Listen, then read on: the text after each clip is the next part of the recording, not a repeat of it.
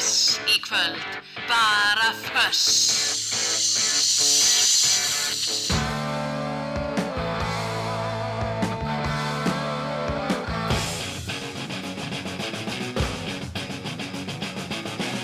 Þetta er Föss. Það á að vera hátt.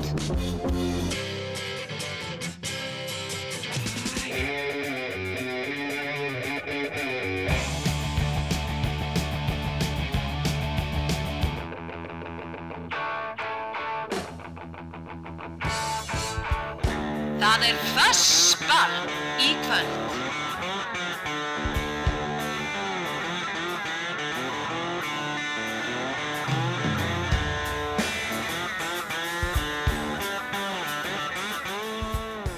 komið sæl og verið velkomin að viðtækjónum. Það er einmitt Fössball í kvöld. Þetta er rockþátturinn Föss á Rás 2 og ég heiti Hulda Geistóttir og ég meiri segja Njúman líka ef ég vil taka lungu útgáðan að þessu öllu saman.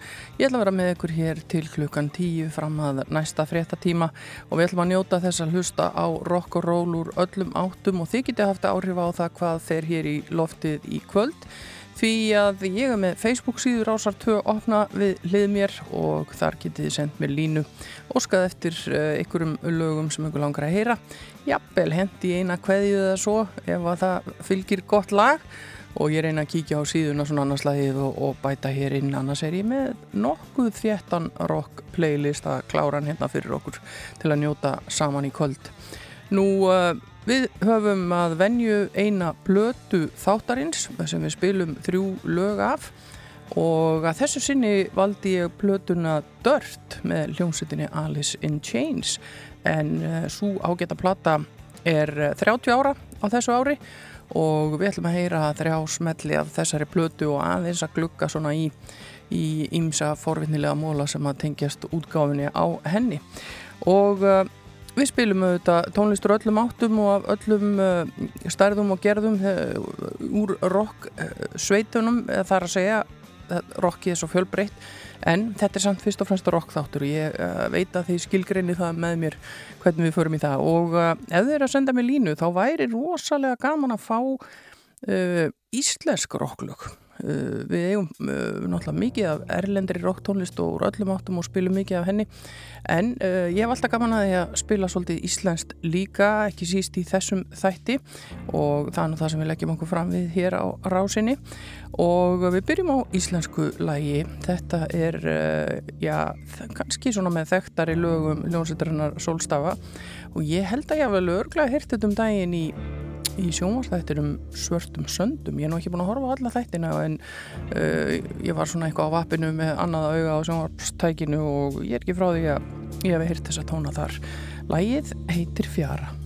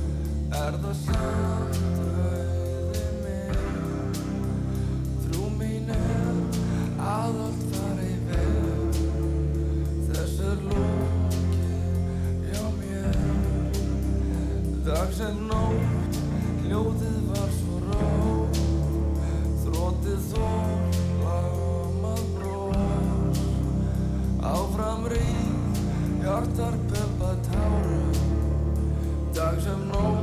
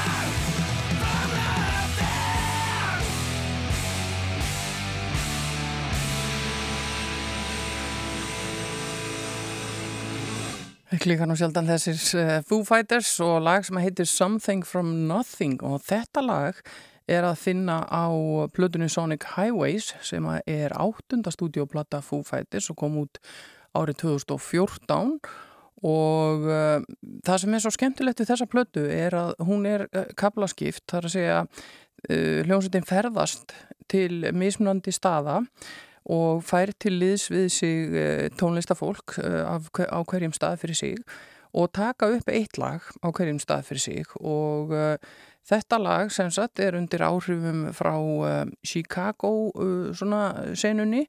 Og það var sem sagt Rick Nielsen sem vann með þeim í þessu lagin. Það er alls konar stórn upp sem að koma fram á þessari blötu og Síðan fylgdi þessari plötu líka sjómas þáttaserja þar sem að þeim var fyllt eftir í þessu ferli þessari vinslu. Þetta er alveg stórskemmtilegt efni. Og þetta er auðvitað kannski svo lítið svona típist fyrir Foo Fighters, þetta er svona hljómsett sem að er alltaf að gera eitthvað og kannski ekki síst fórsprakkin Dave Grohl þeir sem þekkja mig uh, og, og hlusta á mig útarpinu vita að Dave Grohl er í miklu uppáldi að mér, ég uppgöttaði samt Foo Fighters seint, ég til dæmis fór ekki sá þá ekki þegar ég komi hérna til Íslands uppalega fyrstu tvö skiptin og um, þannig að ég, ég hef ekkert verið að fylgjast með þeim alveg frá byrjun. Hins vegar mikill nýrvana aðdáðandi á sínum tíma.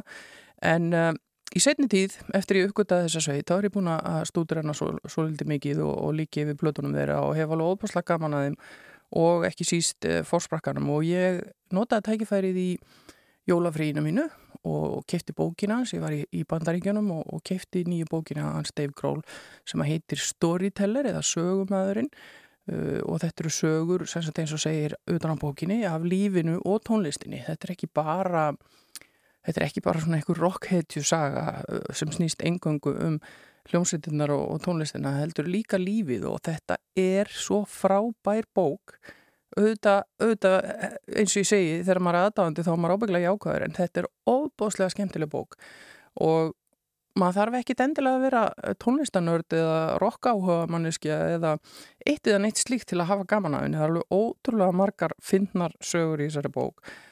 Líka sorglegar. Og þegar maður les bókina þá til dæmis áttar maður sér betur á því hvaða áhrif það hefur haft á hann 20 og hvað, 5 ára gamlan eða hvaða er að, að sambílis uh, leigu, þeir leiðuðu saman hann og, og, og Kurt Cobain uh, bara litlir strákar á ónýtu bíl að reyna að meika það og, og síðan bara skall heimsfræðin á þeim eins og, eins og sko uh, kvirvilbilur og síðan fer kört og, og þetta er, er magna að lesa þessa bóki mæli alveg innilega með því að, að þið náðu ykkur í hana og hún er auðvitað á ennsku uh, en ég held að það er hægt að lusta á hana til dæmis sem hljóðbók ef ykkur finnst það betra. Uh, ég væri alveg til að fá svona bók þýta því að ég held hún nái til mjög breyðshóps ekki bara þeirra sem að halda upp á, upp á Dave eða, eða Foo Fighters.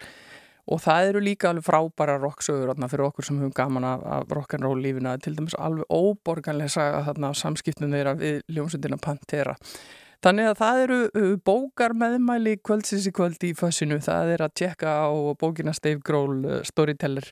En yfir í aðra salma, þó ekki meira meira rock og roll. Þetta er skemmtilegt coverlag Hard to Handle í flutningi Black Rose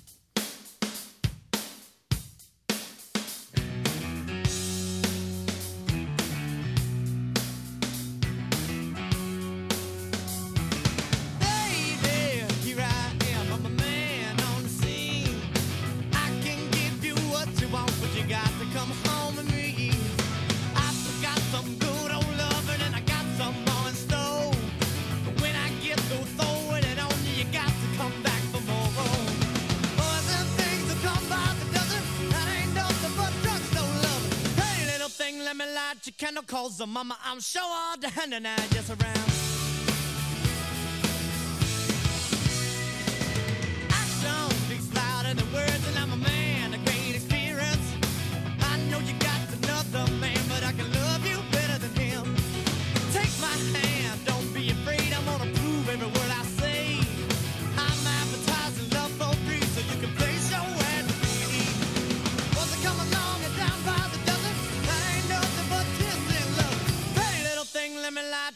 Calls her mama. I'm sure all the hand and just around.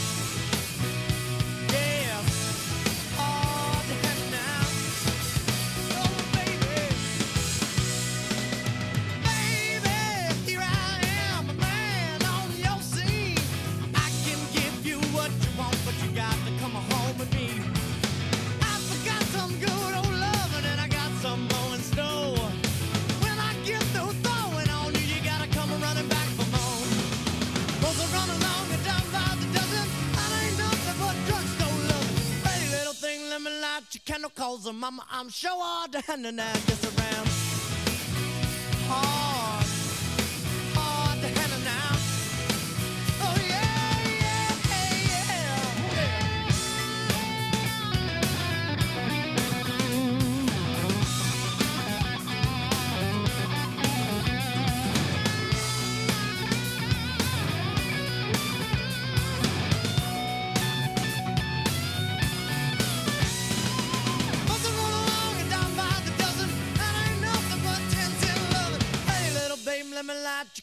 knows. I'm, I'm sure all the henna now just around.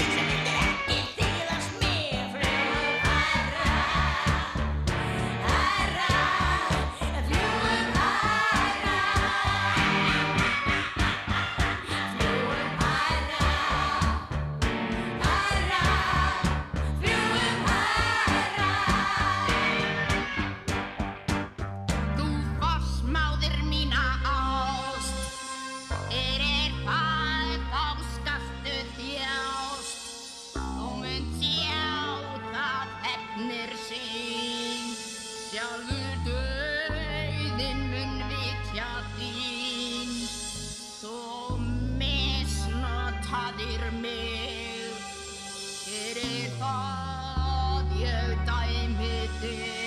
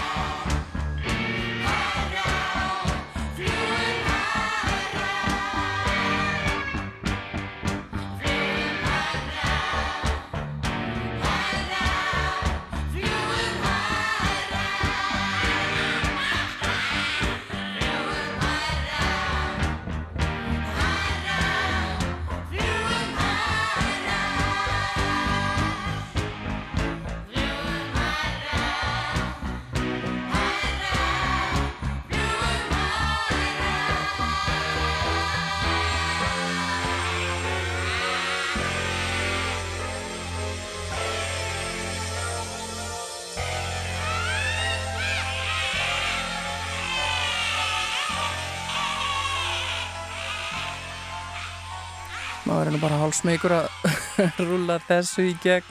En geggjað lag alltaf reynd með grílunum uh, fljúum herra heiti lægir og grílunar auðvitað bara ein uh, ég, ég ætla að lefa mér að fylla bara uh, ég ætla að lefa mér að fullir það voðalega þvældist þetta eitthvað fyrir mér að grílunar hafi verið bara algjör tímamóta sveit og gríðala mikilvæg fyrirmynd í tónlistarheiminum fyrir unga konur og hafa haft mikil áhrif á eh, þróun mála í tónlist hér heima.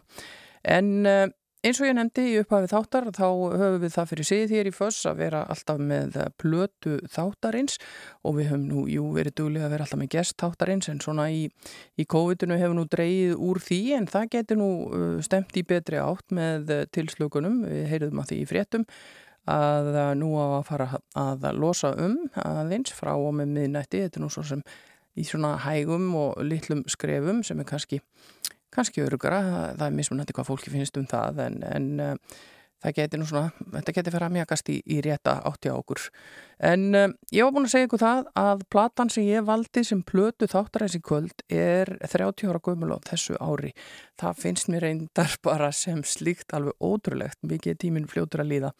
Mér finnst bara nokkur ár síðan að, að, að maður var að kafi í, í þessari tónlist allri í grugginu En platan heiti Dirt og er önnur stúdioplata hljómsveitarinn Alice in Chains og hún kom út 29. september árið 1992 hjá Columbia Records og þessari plötu var mjög vel tekið og hefur síðan hún kom út selst í nokkrum miljónum intaka, 5 miljónum intaka eða, eða svo sem að ég held þetta sé söluhæsta plata hljómsveitarinnar og uh, það komu út uh, fimm singlar að þessari plötu og við ætlum að heyra eitthvað af þeim hér í, í þættinum og það fylgdu með þeim uh, tónlistamindbönd sem að er hægt að skoða og, og sjá. Og þessi plata Dört var líka tilnæmt til Grammy-veluna sem besta svona hard rock platan eða performance. Og myndbandi við lagi Wood var tilnæmt til MTV Video Music Awards fyrir besta myndband úr kvikmynd en það lag var einmitt í e, kvikmyndinni Singles sem er nú, hún kom einmitt út þarna líka 1992 kvikmynd Cameron Crowe og mikið af flottri tónlisti þeirri mynd sem að uh, lifir en, en uh, ég ætla að segja ykkur svona meira þessar blötu þegar líður á þáttinn en við skulum uh, byrja á því að fá eitt af þessum lögum sem ég er búin að velja hérna til að spila fyrir ykkur í e, þættinum í kvöld og ég ætla að byrja á því að spila lægið Down in a Hole sem er svona powerballaða og er 50 og síðasti singullin sem kom út á þessari blötu og e, lægið er samið af gítarleikaranum og, og sönguranum Jerry Cantrell sem átti þá kæristu sem heiti Courtney Clark og og þetta lag var 21 viku á Billboard listanum og komst hæst í tíunda sætið. Og við skulum heyra Alice in Chains og Down in a Hole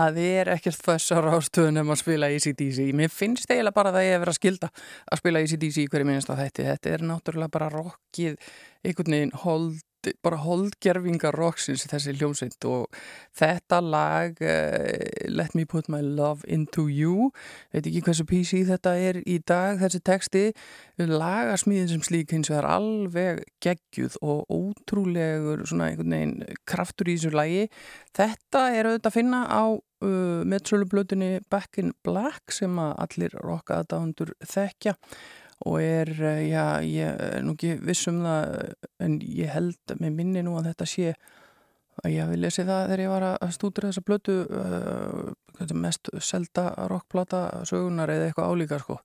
hún er uh, hvað, 25 sinnum platinum stendur hérna ef maður fer inn á netið og, og, og skoðar aðeins já, hún hefur selt, nei, næst mest selda samkvæmt hérna Wikipedia sem er nú ekki alltaf 100% en yfirleitt í svona, svona statistík sem hægt er að, að staðfesta eru þessar upplýsingar réttar. Þar segir uh, næst mest selda plata í, í sögunni hefur selst í yfir 50 miljónum eintaka takk fyrir. Og um, það er sjálfsagt uh, margir sem vita af uh, podcastinu Alltaf sama platan þar sem er verið að taka fyrir plötur ACDC og, og ég fekk einmitt að taka þátt í þættinum sem fjallað var um þessa plötu ACDC sem að er nú svona mín uppáhalds ACDC plata og margra annara þó ímislegt sé til í, í þeim pakka. Nú, ég ætla að hingja í uh, Steppa Jak hérna rétt á eftir aðeins að forvittnast bara hvað hann er búin að vera að brasa í tónlistinni eða er hann kannski bara að kvíla sig á þessu öllu saman og gera eitthvað allt annað. Ringjum í hann og, og fáum uh, nýjustu fréttir. Ég ætla eins og að fara yfir í kvennarokkið þér næst. Þessi er svona með þeim svalari í bransanum. Hún er ennað, uh, spilar og, og syngur og heldur tónleika viða. Þetta er Pat Benatar og hér er sungið um Heartbreaker.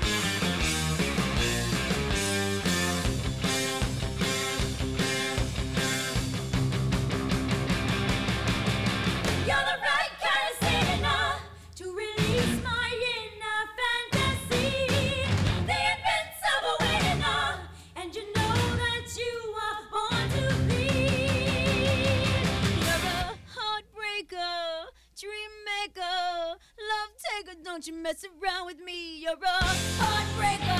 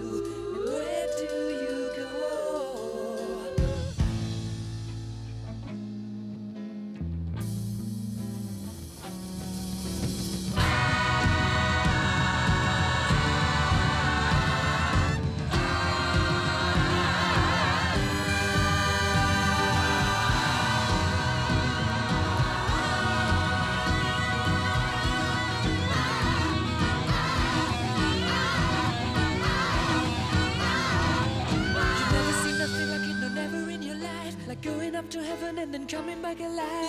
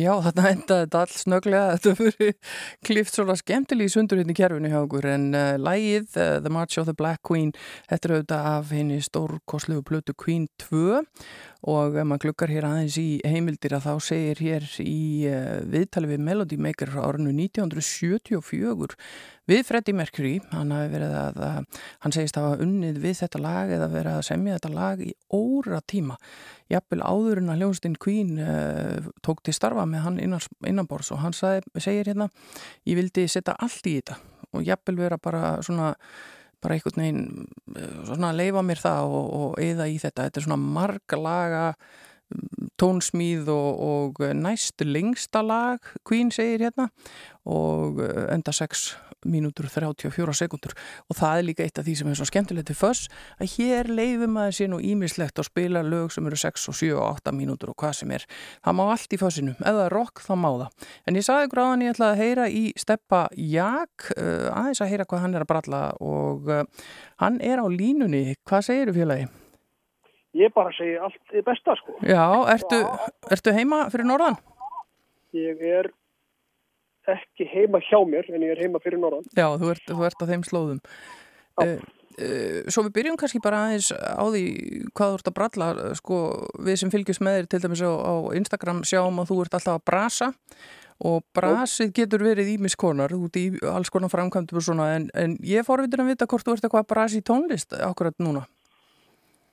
Já, bara eins og, eins og ég get, svona eins og aðstæðlega. Ég ætlaði nú að vera búin að taka upp lagi þessu vona en, en hérna, en út á dóttu þá hérna, hef ég ekkert verið að fara söður Nei, og þannig að það frestast aðeins en, en það eru klár nokkur demo, það er að segja fyrir uh, þá JAG sem er þá solo-projekti mitt. já, en svolítið gaman að nefni það vegna þess að ég var einmitt með það einhvern veginn í huga og ætlaði einmitt að spila lag af plötunniðinni sem þú gafst út. Hvað er orðið langt síðan hún kom? Ú, var ekki 2018, Já, fjóra, verða fjóra núna í, í tíminn er svo fljótur að líða, maður er alveg orðin uh, sko steiktur í þessu. En er, er það þá eitthvað sem þú er bara búin að liggja á eða er þetta ný, ný tónsmíð? Er, er eitthvað meira í vændum frá, frá Jak Solo?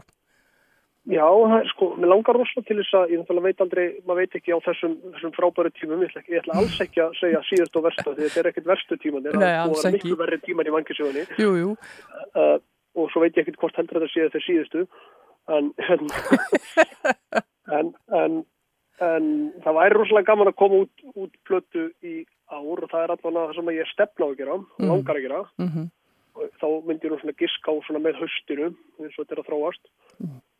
og ég er allavega með það í huga að vinna þannig að ég er með bara svona nokkra vinni og félaga sem að ég vinni með í gangum tíðina og, og, og svo leið sem að annarkost leggja til lög al Mhm. algjörlega sjálfur eða þó ég sem þau með þeim eða einhvern veginn sko bara Mhm. rinni, mér er alveg sama. Bara ef að lægi verið gott þá, þá, þá gerum við þetta. Já, og ég er aðeins búin að vera í sambandi núna til þessu Frans Gunnars. Mm hann er í ykkur ægilegu stuði sko, hann er alveg, hann bombar á með lögum alveg stanslöst sko, einhverjum hugmyndum og demum, ég hef eiginlega ekki undan að skoða þetta. Og samanskapið datt ég aðeins í gýrin sko, hann er hérna, hann er, það er eitthvað, eitthvað aðeins sem er kemur frá mér og svo eru fleiri sko, í rauninni, og, aðeim eru nú ekkert sko, í rauninni kannski þekktir tónlistumverð, þetta er bara sko æskuvinir og aðri sem að ég veit bara geta búið til músík og hérna og, og mér er alveg sama hvaðan gott kemur og, já, já, það er nákvæmlega. skemmtilegt, skemmtilegt að gera þetta svona. Mér er, mér er, mér er eiginlega alveg sama hvaðan þessu lög koma. Bara Já. við, við klárum, klárum þetta einhvern veginn í sammenningu og hafa verið gaman á meðan og, og svo leiðis. Jú, það er auðvitað megin tilgangurum með þessu öllu saman. En í síðasta þætti, ég var hérna fyrir viku síðan, þá nefndi ég uh, dimmu tónleika í Eldborg. Uh, margir ennþá bara að tala um tónleikana, útgáfu tónleikana sem voru svo frábærir og, og svo mikið ílagt og stórkostlega skemmtun. Tala nú ekki um að, að þetta hitt einhvern veginn þannig akkurat inn á milli og fólk mátti koma og, og ég held að þetta hafi verið alveg meiri áttar upplöfun fyrir marga. Það var að minnstakosti fyrir mig. Uh, þið ætlið að endur taka leikin? Já, það ætlum við að gera og það er, sagði við ekki 12. mars Mhm. Og þetta er náttúrulega aftur erfi, erfiði tímar en það er nú verið að tala um að, aflétta og breyta þessum, þessum leiðilu dagbörkunum ykkvað. Mhm. Þannig að við erum svona ennþá á, á nippinu hvort að þetta sé ennþá onn eða ekki en við stefnum ennþá á þetta og annars finnum við lausn á því. Þessi tónleikar verða, það er þá bara spurningum Já. hvenar og sjálfsögur langar bara til að gera þetta í, í mars, bara því fyrir því betra. Ég er mjög fyrstur í að, hérna, að og við að hérna, og koma fram og þetta var náttúrulega upplifið fyrir okkur líka. Vi, Við höfum aldrei, sem sko þungaralljóðsett, höfum við aldrei verið einir og fyllt eldborg og erum fyrsta þungaralljóðsett til þess að gera. það. Já, Það, hafa alltaf öll skiptin eins og skálmöld gerði þetta með sinfóriuljóst, við höfum gert þetta með sinfóriuljóst Norrlands og Bubba og þannig en aldrei bara einir og sér. Þannig að, þannig að þetta var mikil upplifið fyrir okkur að, að, að gera þetta. já. Þessi tónleikar sem voru uh, í Eldborg uh, voru náttúrulega útgáfu tónleikar þó að þið hafi spilað uh, meira en, en bara plötuna, nýjustu plötuna. Uh, eru þið að þá að hugsa um eitthvað svona annað prógram, svona uh, víðara uh, samhengi fyrir þessa næstu tónleika? Já, algjörlega, sko, algjörlega, hræ, hræra þess upp í svo taka, taka lög sem við höfum ekki tekið kannski, semst náttúrulega sjálfsög alltaf upplegið er alltaf brota okkar besta og svo tökum við þá líka önnur lög sem að hafa kannski svolítið hérna, orðið kannski ef að segja eftir þegar semst þannig, þeir hafa alltaf verið flutt á útgáðtónlingum og svo leys og, og rétt eftir og svo svona kannski hérna, tekur eitthvað annað við í kjölfarið, er þetta komið á flót og þannig viljum aðeins að taka, eigum til dæmis alveg fleiri balluður heldur en, heldur en ljósbrá. Já, og ætlum að taka eitthvað á þeim, ég ætla ekki að gefa upp nákvæmlega hvaða en, en eitthvað á þeim og hérna og svo eitthvað af þessum stóru lög, við hefum náttúrulega lög sem eru sko sex og upp í, í næstu tíu mínútur sem við tókum held ég ekkert á þeim núna síðast. Og, og svo náttúrulega bara aftur, bara brota þessu besta til þess að gera þetta, eh, bara eins og við gerum alltaf, bara endum alltaf á því að kveika í húsinu sko. óvægt að segja það. En, en þessi, þessi nýja sóloplata uh, og þær pælingar, sko, ef við aftur til plötunar sem gafst út uh, þarna 2018, uh, svona allskins eiginlega á þeirri plötu ímislegt forvitnilegt eins og til dæmis lag sem að ég valdi og ætla að spila hérna þegar við ljúkum okkar spjalli þar sem þú færð óperusönkonuna Hallhugur Rúnastóttur í lið með þér uh, ætlar að koma okkur á óvart á, á nýri plötu? Já, ég, ég reikna með því að gera það mm. og hérna, það er ekki, er ekki mitt að dæma hvort það koma óvart en, en, en sko eins, eins og ég er að hugsa þetta núna, plata verður alveg pottet sko uh, hvað sé ég, þú verður breyðar í stefnum og strömmum Mhm. held ég, það er, það er þannig að sem ég hugsa og, og, og ég ákvað það í uppæði þegar ég ákvað að hérna, búa til eitthvað sem heitir solo að það væri þá alveg svo sagði með þáttiðina og það væri ekkert rosalega margar reglur Mhm. Og ég er til dæmis búin að búa til eitt riff sem er, sem er svona kannski tilvitnin í, í eina mínum uppáður hljómsveitur sem heitir Primus Mhm. sem er svo sannlega ekkert sem ég hef verið mikið að kannski að bera á borð fyrir fólk sem að kannski þekkir mig hvað best. Ég er í hljómsveit sem heitir Think Tank sem spilar kannski svona músík sem er einhvers konar skilskotin í Primus, System of a Down og eitthvað svona þjóðlaga. Mhm.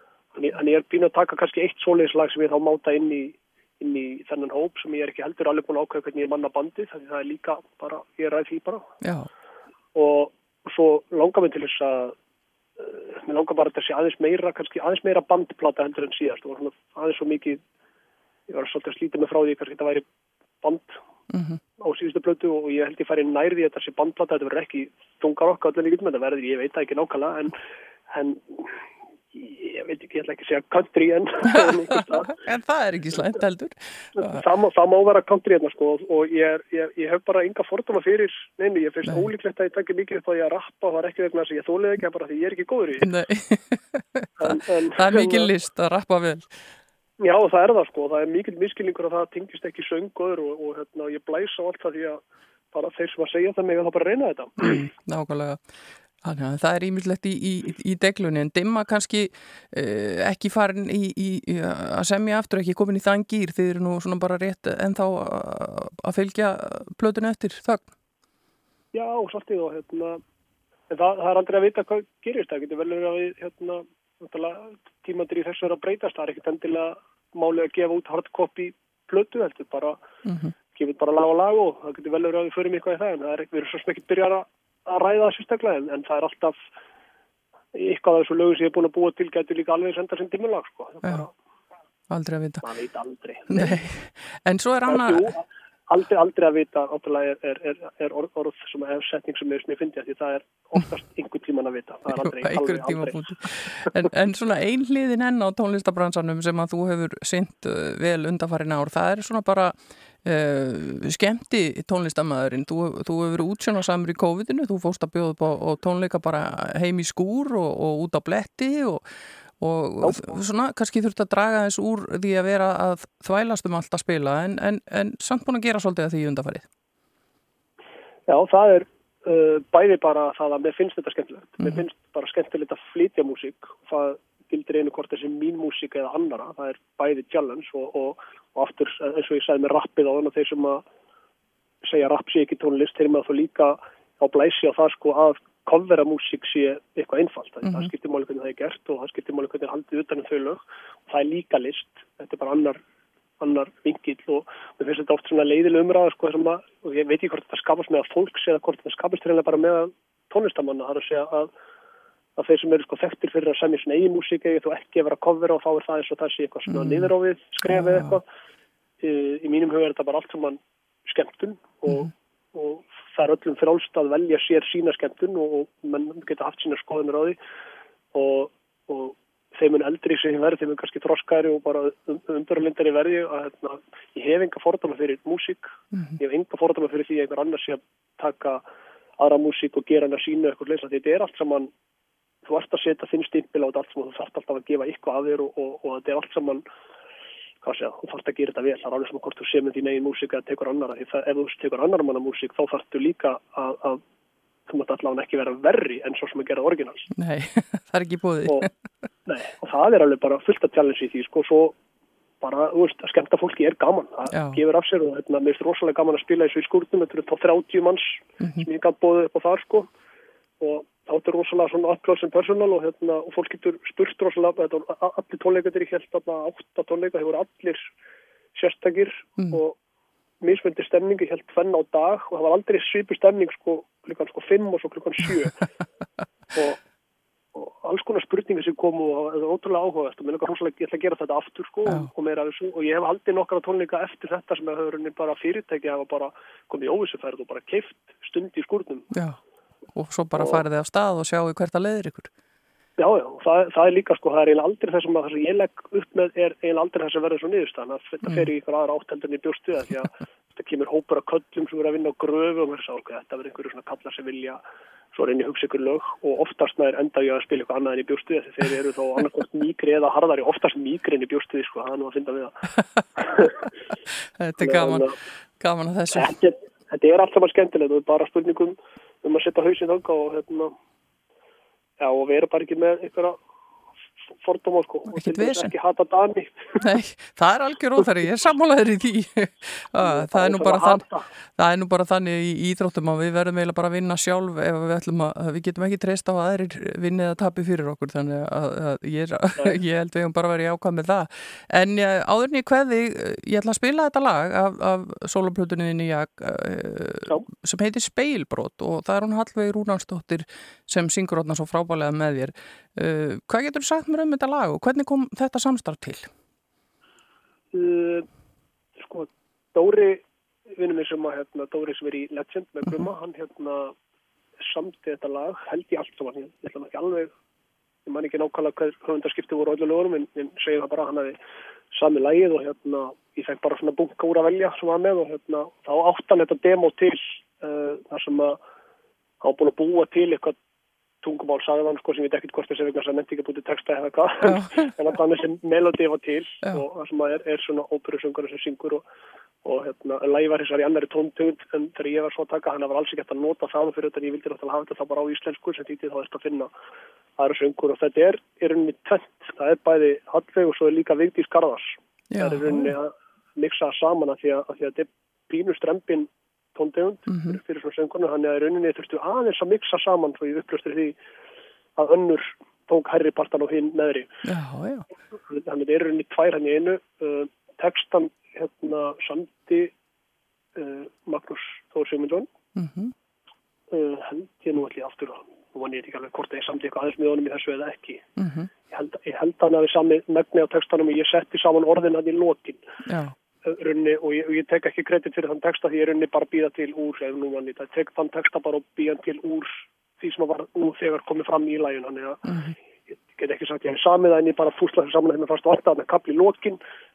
Það sem ég gerði hins var ég let Magnús Stór alltaf fá ykkur svona beinigreita ykkur sem ég var að hugsa. Já, og, og, og, og, fyrst og komið svo saman í orðið í sammenningu eða þá oftast nær hann er svo mikil maskin þessi kalla, hann var bara Ah, búin aðeins að að og sem lóta á magna hann er náttúrulega 70 og hvað eins eða tveggjara gammal og hann er alveg ótrúlur sko. Það er að gera þetta á nóttinni og ég tala mikið við hann og við erum miklu vinnir Mm. og þarna voru bara að ræða kannski svo heyrist í svo lægi, það er, það er sorg og, og, og svoleiðis viðbröð og, og það sem ég með huga þarna var var kannski bara svona hvernig við fjölskyldi hérna hörtum að, kljást við hérna og það nýbúin að missa uh, föðubróðum minn, Jón Stefansson organista já, og það var svona mikið skarf bara sem var hokkið þá í, í okkar fjölskyldu og það eftir svona þess að pæli því og, hérna, og svo bara stækka maður það í víðara samingi sko, húst, hvernig Já. fólk glými veita og einhvern veginn var þessi þá texti til frá þessari pælingu sko, já, svo fer maður bara frá henni og það, já, já. Við skulum, veit eh, ekki hvort já, við skulum, er eitthvað meira það að segja. Nei, það er frábært og gaman að heyra þetta. Uh, ég hlakka til að heyra meira frá þér í, í sóló og, og líka dimmu þetta og bara öllu sem þú ert að bralla. Einhvern tíman uh, nægi kannski að koma við í skúrnum, það væri nú ekki leðilegt að prófa að upplifa það líka. En uh, við, við endum þetta spjall á uh, læginu Speilbrott og, og það er Jak sem flyttur ásamt Hallvegur Rúnastóttur og Vigdísi Garðarsdóttur. Þannig að náðu við í nýjar upplýsingar með þessu spjallokkar. En uh, gaman að heyri þér steppi og gangi þér sem allra best með þetta allt saman. Sem við það, gátt eyrið. Takk, bless, bless.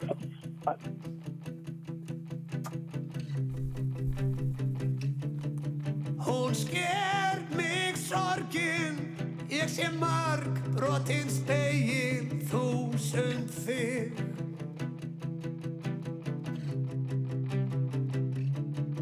Og hjarta sárin, blóði drifin, speikla mig, týndur ég er. Ég tek eitt, síðan tvö, skref sem liggja ekki neitt. Og leiðin er laung, ég veit ég fæ því ekki breytt. Og blásvört skýin, líta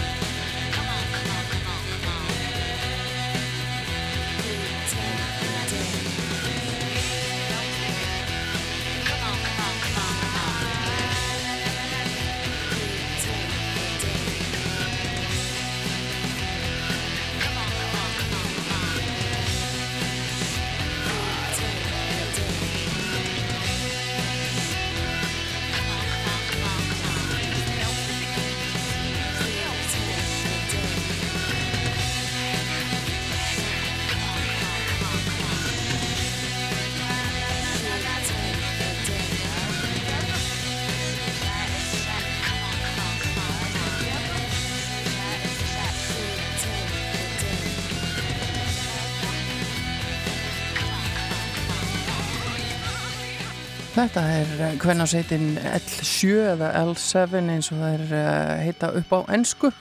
Amirist rockband dopnað í Los Angeles í Kaliforníu árið 1985 og þær störfuðu til 2001 tóku þá nokkuð langa pásu en komið saman aftur árið 2014 og þetta lag sem við vorum að hlusta á uh, kannski svona þeirra þekktasta Pretend We're Dead þetta náði tölverið útbreyslu þegar þetta kom út og um, var uh, mjög vinsælt svona í þessum svona alternative geira eins og, eins og kallað er.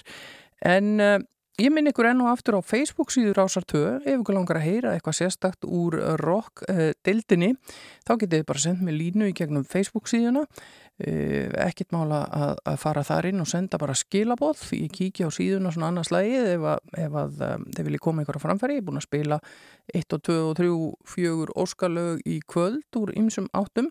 Höldum því áfram, en hér næst er hins vegar lag sem að ég valdi nú bara alveg sjálf eins og flest lögin í þettinum að um, ætlum að fara í Íslandst og ég hveti ykkur einmitt endilega ef þeir að senda mig línu að, að Íslandst rock, við viljum sem mest af því. Og þessi sveit heitir Brain Police og er ram íslensk þó sungið sér upp á ennsku. Lægið heitir Jacuzzi Susie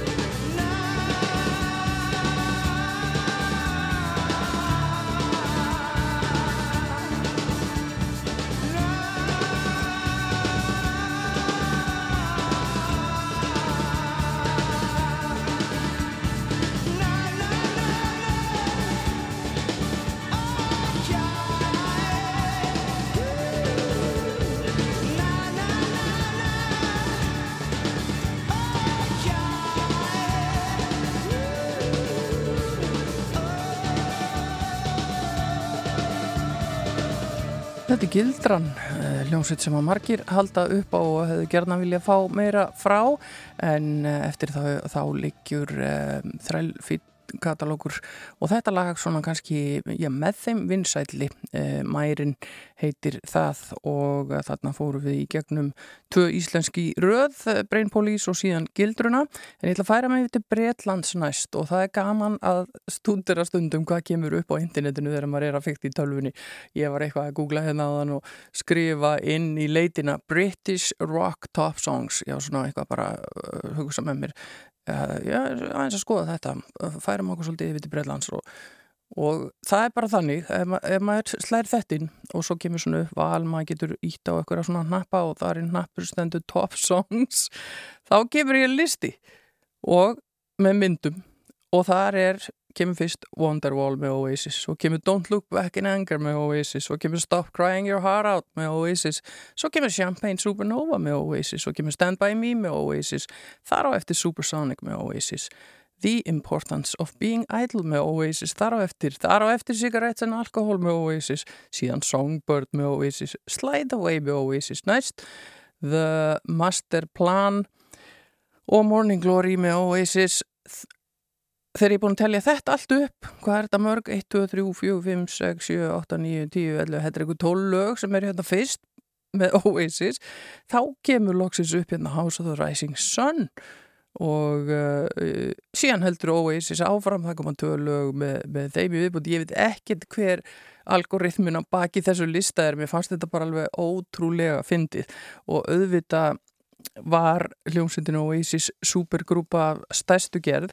Eina af þessum hljómsveitur sem fólk annarkvort elskar að hata eða hatar að elska eða hvernig sem það er uh, en vissulega eftirminnilegir bræðurnir og hafa haldið áfram að gera það gott uh, þó þeir séu búin að splitt upp þessu bandi. Ég ætla að taka eitt lag út af þessum lista sem heitir Supersonic og rúla því í gegn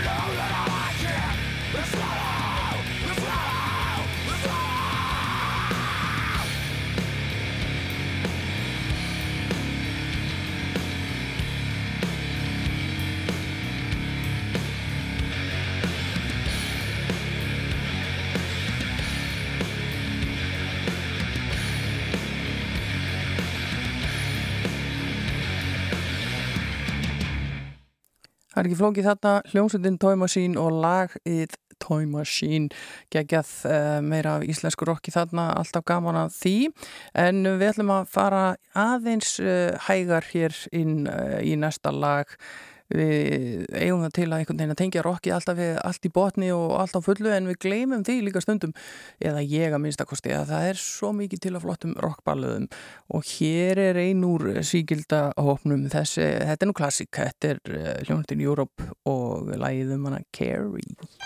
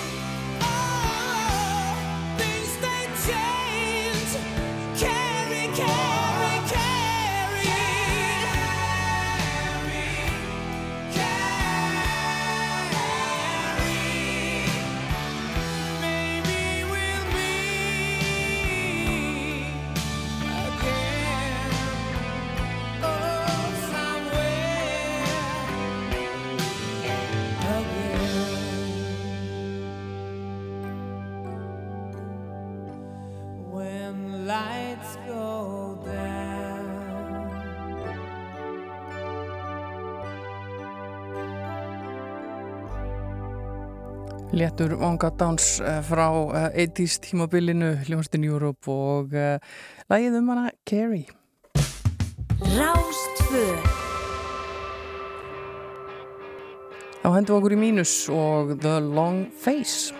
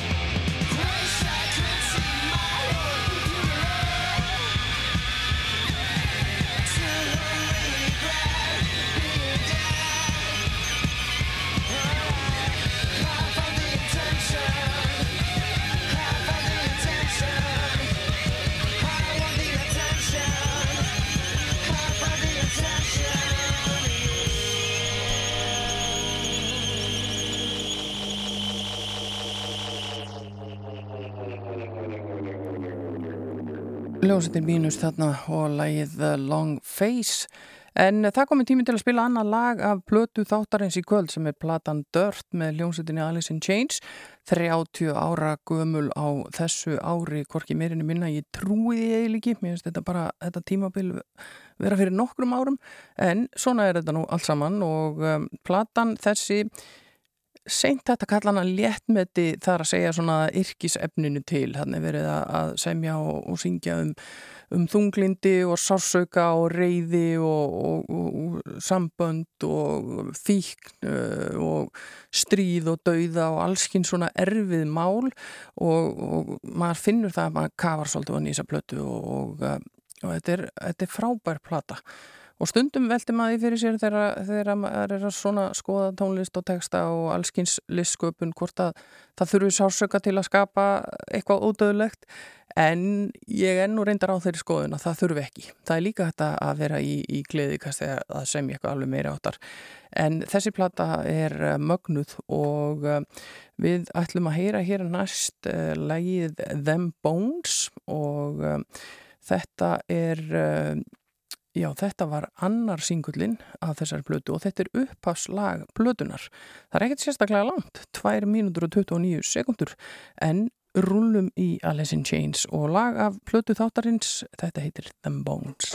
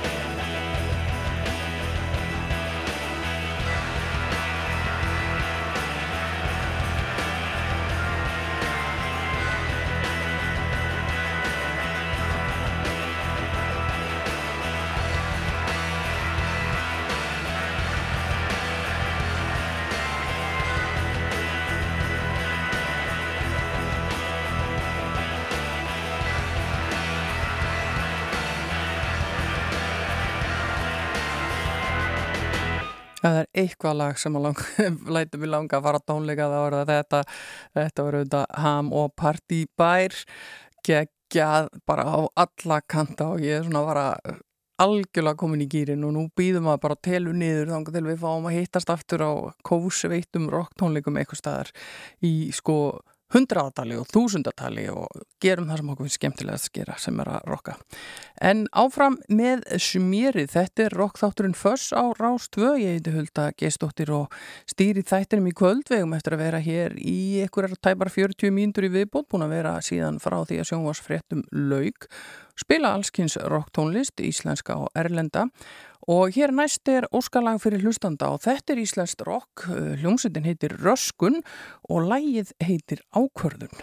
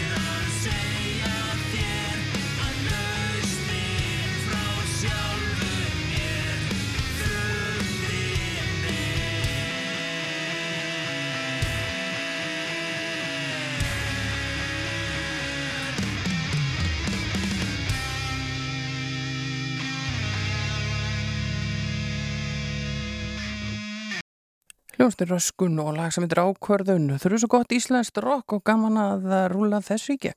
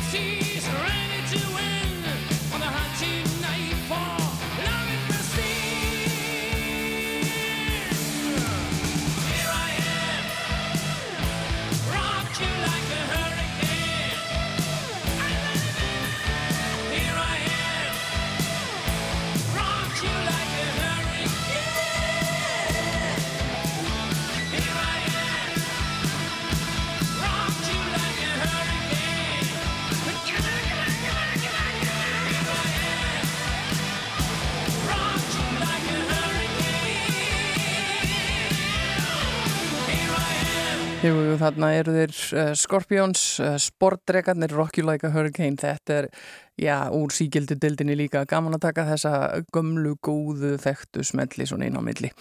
Og uh, það er smá tenging yfir í næsta band sem ég ætla að spila því að þessi sveit, þessi þýskasveit, við vorum í Þýskalandi heitir Scorpions. Og næst ætlum við að heyri í hljómsveit sem kemur hins vegar frá London á Englandi.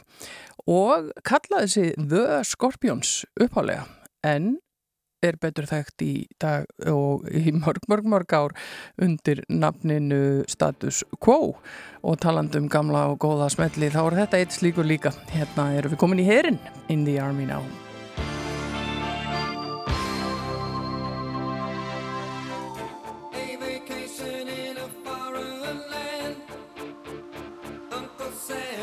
the best he can. You're in the army now.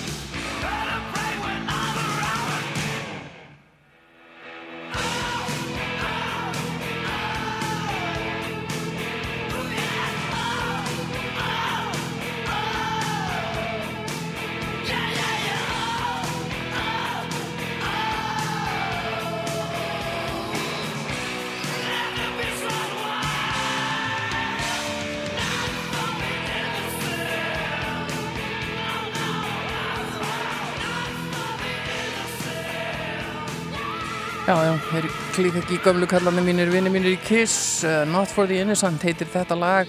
Simmons, þarna Gene Simmons sem syngur og uh, gerir það bara fanta vel þetta er hörku gott rocklag og uh, Stens Tímans Tönn. Þetta er að blötu sem kom út árið 1983 var þó nokkuð vinsæl hér á landi heitir Lick It Up.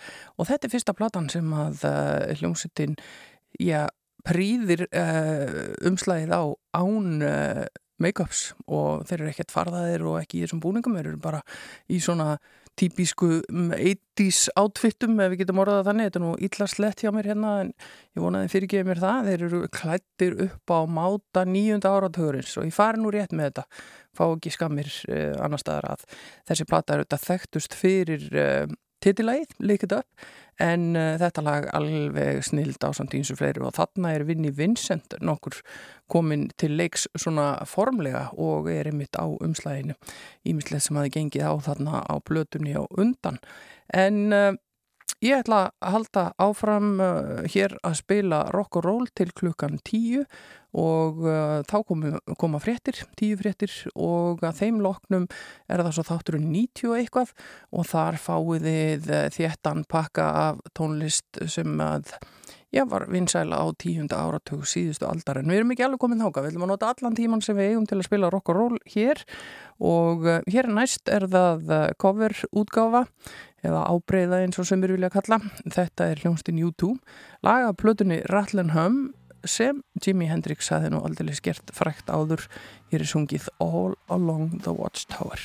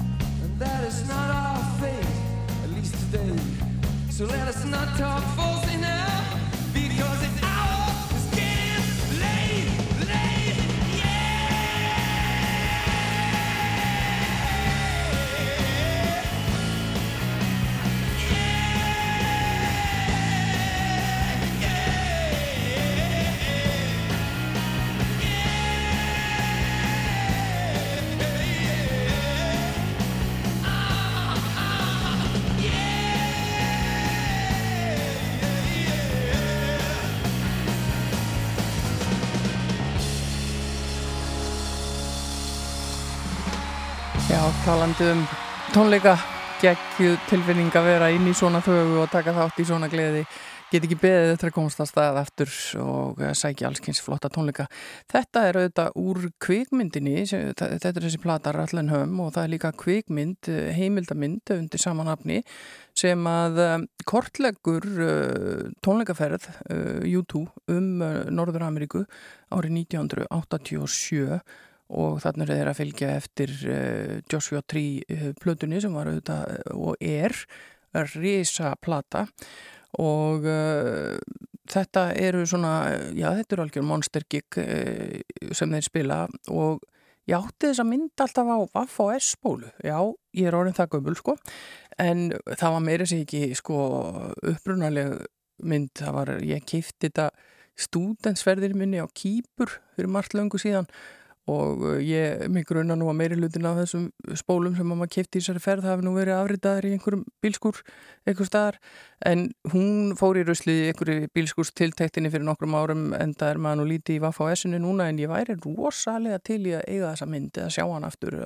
Þannig að þið megi henda á mig skilabóðum eða viti hvar ég geti séð þessa mynd í, í góðum geðum og, og svona endur nýja þessi kynni. Og alltaf haldið mikið upp á þessa blötu og, og væri til í að horfa aftur á myndina Rástvö Fyrst og fremst. En við erum búin að koma víða við, uh, fara að hinga og þanga um heiminn og hér næst ætla ég að spila fyrir ykkur hljómsveit sem að er uh, frá Danmörku, heitir Volbeat. Og ég fann nú fyrir miður ekki lagið sem að var beð um en ég ætla samt að leifa aðdáðandi Volbeat að fá eins og eitt lag og þetta heitir The Hangman's Body Count.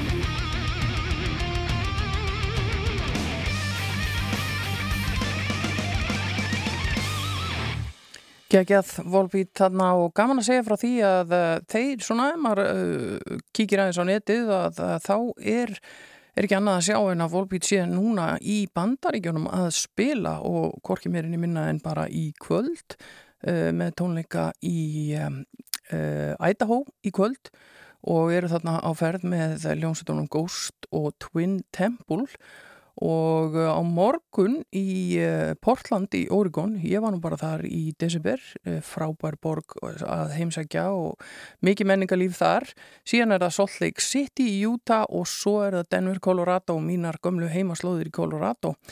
Og áframhaldaðir til Lincoln í Nebraska, Minneapolis í Minnesota, Columbus, Ohio, Hershey, Pennsylvania, New York, New Jersey Worcester, Massachusetts, Camden, New Jersey, Pittsburgh, Pennsylvania, Toledo, Ohio, Grand Rapids, Michigan, Rosemont, Illinois, Cincinnati, Ohio, Milwaukee og svo framvegis. Þetta er alveg svaka túr hérna um bandaríkinn hjá þeim núna í janúar og februar, ég ætla ekki eins og að tella þetta allt upp.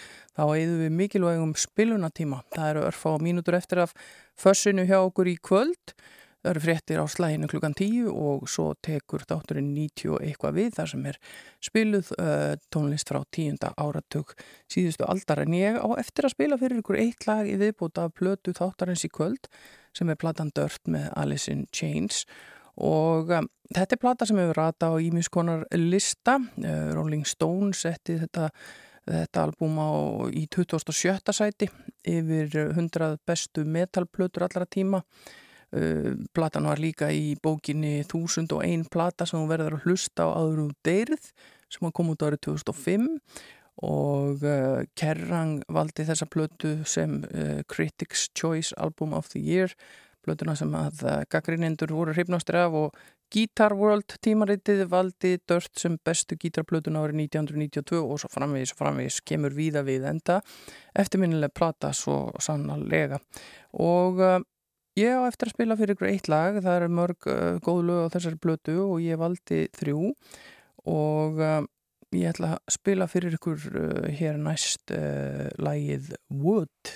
Og uh, við skulum heyra það, þriðja og síðasta lagi sem við heyrum af Dört í kvöld.